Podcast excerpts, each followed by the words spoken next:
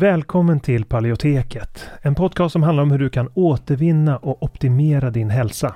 Vi presenterar spännande forskning, praktiska verktyg och inspirerande berättelser som ska hjälpa dig att ta makten över din egen hälsa. Vi som gör podden heter Karl Hultén och Anna-Maria Norman. En bristande maghälsa kan ge symptom i helt andra delar av kroppen. Det är något som många tyvärr inte känner till trots att mer än en miljon svenskar har IBS idag. Alltså problem med magen. Och tyvärr är magproblem i de flesta fall inkörsporten till annan ohälsa. Det kan vara inflammation, diffusa symptom, allergier eller autoimmun sjukdom. Och för att möta den här trenden av växande behov så har vi utvecklat kursen Maghälsa på djupet. Där vi går på djupet med att vända dålig maghälsa som SIBO och IBS. Och det här är viktiga delar av kursen som vi talar om och den senaste forskningen på de områdena. Och vi djupdyker i vad forskningen säger om de senaste naturliga terapiformerna, kostmetoder, kosttillskott, probiotika och så vidare. Och kursen den kickar igång fredagen den 3 maj och har fyra olika faser och tre frågestunder live. Och dessutom har vi olika resurser och guider att ladda ner från kursplattformen. Så du kommer få lära dig allt om hur du kan använda kosten som en väg till läkning, när, var och hur, hur du kan använda olika kosttillskott och probiotika. Och om du redan är medlem i Hälsodetektiverna så får du som vanligt en rabatt på allt vi gör, så även den här kursen. Och den här kursen tror vi är en perfekt väg för dig mot en bättre maghälsa där du inte bara får lära dig ett metodiskt tillvägagångssätt för att minska dina symptom utan också förstå de underliggande orsakerna. För att läsa mer om kursen och anmäla dig till den går in på paleoteket.se och klickar på utbildning. Eller klickar dig vidare från länkarna i podcastbeskrivningen. Så varmt välkommen till Maghälsa på djupet. Vi ses där när kursen startar, den 3 maj. Innan vi kör igång med dagens tema vill jag påminna om att den här podcasten har ett utbildande syfte och inte utgör medicinsk rådgivning. Nu kör vi!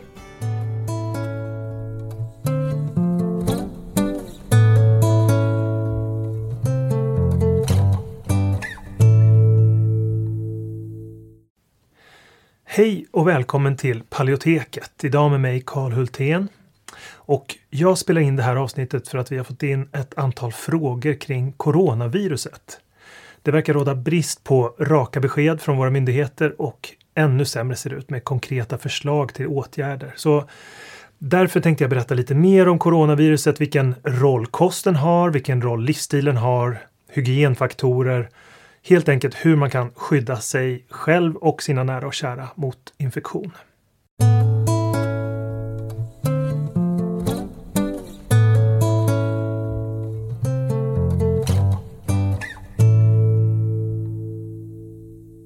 Många har varit stressade över den här osäkerheten kring covid-19 som det egentligen heter. Och i sådana lägen så kan det vara bra att vara lite konstruktiv och fokusera på det man faktiskt kan göra. Och förstås att följa WHOs råd om begränsningen av smittspridningen. För det finns faktiskt en del man kan göra själv för att stärka immunförsvaret och minska risken för sig själv och för andra. I skrivande stund så har Sverige 204 bekräftade fall av covid-19 och det här tickar hela tiden uppåt. Eh, vi vet ännu inte hur farligt covid-19 är, men vi ser att effekten har varit väldigt betydande i länder som Kina, Iran, Italien. Och därför så ska vi gå igenom lite grundläggande fakta om vad man själv kan göra för att skydda sin hälsa och rusta sitt immunförsvar. Men först tänkte jag gå igenom lite bakgrund om coronaviruset, vad den här typen av virus är för någonting egentligen. För det finns flera olika coronavirus som har gemensamt att de attackerar lungorna. Och virus generellt har gemensamt att de, de kan inte fortplanta sig själva utan istället så lever de som ett eh, slags parasiter som går in i kroppens celler och använder dem för att reproducera sig och kopiera upp sig i stort antal. Och som människor då blir vi eh, värddjur för ett virus som eh, likt alla andra livsformer, om man nu vill kalla virus för en livsform, det är lite tveksamt. Men i och med att de inte kan överleva själv. Men eh, de har ändå ett evolutionärt intresse av att överleva i längden. Och i förlängningen betyder det att livsformer som är väldigt farliga för sitt värddjur inte överlever i lika hög grad. Och därför bru brukar virus med tiden bli mindre dödliga, vilket vi kan förväntas av covid-19 också. Men i dagsläget så är det här viruset nytt för immunförsvaret, vilket gör att riskerna är potentiellt större, i alla fall på kort sikt. Jag tänkte börja med att ge lite information om en faktor som har väldigt stor betydelse när det gäller infektionssjukdomar. Och det här är någonting som har påverkat min familj faktiskt ganska mycket nu, det här exemplet som jag tänker ta upp. För 1918 så blev min morfar föräldralös när hans pappa dog i spanska sjukan. Och det här var något som morfar brukade berätta om och som förändrade hans liv helt. Han fick börja arbeta vid fem års ålder och fick själv ta över rollen som förälder för sina yngre syskon. Och så såg det ut för väldigt många barn som växte upp efter första världskriget. Eh, spanska sjukan, det var en väldigt svår och dödlig form av influensa. Det är alltså inte samma form av eh, virus som sprids nu. Men eh, det här kom efter första världskriget. Och de flesta dödsoffren, de var unga vuxna som inte tidigare hade fått den influensan och därför inte hade någon immunitet. Det, det var nytt för deras immunförsvar och det är ju en likhet som vi ser med covid-19. I Idag så vet vi att spanska sjukan var ett virus av typen H1N1. Det var alltså samma typ av virus som 2009 ledde till en pandemi. Men virus smittar inte alla urskillningslöst, utan det finns vissa faktorer, vissa riskfaktorer som påverkar. Och när vi blickar tillbaka på historien så ser vi hur flera epidemier har sammanfallit med försämrat näringsintag exempelvis. Och dessutom vet vi att de flesta unga som dör i smittsamma sjukdomar, de är undernärda också. Och i exemplet med spanska sjukan så föregicks det av krigstider när vi såg hur tillgången på näringsfattig raffinerad kost ökade. Vi såg burkmat, torkad mat som, som ersatte livsmedel på många håll i Europa. Och det här bidrar givetvis till att öka spridningen av en infektion och att Eh, Eh, göra människor känsligare för att få sekundära infektioner som många dog av exempelvis lunginflammation som man enklare får när man har näringsbrister. Så därför tänkte jag gå igenom några enkla tips som du själv kan tillämpa för att få ett starkare immunförsvar. Och det första tipset är att stressa mindre. För att Stress det bidrar till frisättning av kortisol som är ett stresshormon som hämmar immunförsvaret. Så därför så kan det vara bra att försöka varva ner och hitta former av återhämtning som passar. Kanske ta en lugn promenad eller yoga istället för att titta på nyheterna ibland. Och eh, om man är väldigt känslig för stress så kanske man borde ta en paus från både nyhetssidor och tv och sociala medier. Det andra tipset är att sova mer. För immunförsvaret mår väldigt bra av att du får tillräckligt med vila. Och eh, det är under sömnen som många av de processer som utvecklar immunförsvaret och får tillväxten av vita blodkroppar att öka, det sker under sömnen. Det tredje tipset är att undvika processad mat, precis den här maten som föregick spanska sjukan med, som orsakade näringsbrister och försämrad maghälsa hos många. Den, den gör människor mer mottagliga för infektion. Så att äta en kost baserad på hela livsmedel är mycket bättre än att äta e-ämnen och eh, processade råvaror. Sen det fjärde tipset, att undvika socker. För många virus lever av god tillgång på socker i de infekterade cellerna. Vi vet också att bristande blodsockerkontroll det ökar risken för luftvägsinfektioner. Och sockerintag bidrar till bristande blodsockerkontroll och till och med diabetes. Och det vet vi är en betydande riskfaktor för att få luftvägsinfektioner. Och det femte tipset handlar om olika näringsämnen. Så det handlar om att få i sig mer av den näring som framförallt finns i de animaliska livsmedlen med mycket zink, D-vitamin och selen, men även grönsaker och rotfrukter som bär på mycket näring, exempelvis C-vitamin. Och ett exempel på det här är D-vitamin som finns i flera animaliska livsmedel. Dessutom A-vitamin i bra balans.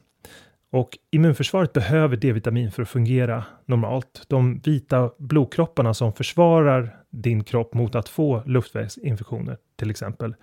De har receptorer för D-vitamin och immunförsvaret det regleras till viss del genom D-vitamin. Och vi vet att en lång rad virus och bakterier kan blockera D-vitaminreceptorn som en strategi för att infektera kroppen. Exempelvis Epstein-Barr-virus, hepatit B, cytomegalovirus och eh, tuberkulos, tuberkulosbakterien, kan alla göra precis det här. Och det kan också förklara varför vissa är mer känsliga än andra för att få den här typen av infektioner. Alltså, bristande D-vitaminnivåer skulle kunna bidra till att öka risken. Ett annat näringsexempel är C-vitamin. För just C-vitamin är väl studerat i samband med bland annat förkylningsvirus. Och det är ju en annan form av coronavirus som orsakar förkylningar. Så det finns idag tre kliniska studier som jag har hittat som kan påvisa en nytta med att ta C-vitamin för att förebygga lunginflammation i, i samband med virusinfektion av förkylningsvirus. Och två kliniska studier kunde visa att C-vitamin också förbättrade behandlingen med, vid behandling av lunginflammation. Så C-vitamin kan inte minska förekomsten av förkylningar totalt sett. Men man har sett en betydande minskning av förkylningar hos fysiskt aktiva människor. Så det verkar vara en kombination där med fysisk aktivitet som också kan ha en gynnsam inverkan. Regelbundet intag av C-vitamin kunde också förkorta förkylningens varaktighet, alltså påskynda läkningsprocessen, vilket tyder på att det finns en biologisk effekt av C-vitamin som är gynnsam på försvaret mot infektioner i luftvägarna. Vi vet inte om C-vitamin gör någon nytta vid just coronavirus, men att ta ett gram C-vitamin per dag, det gör i alla fall ingen skada.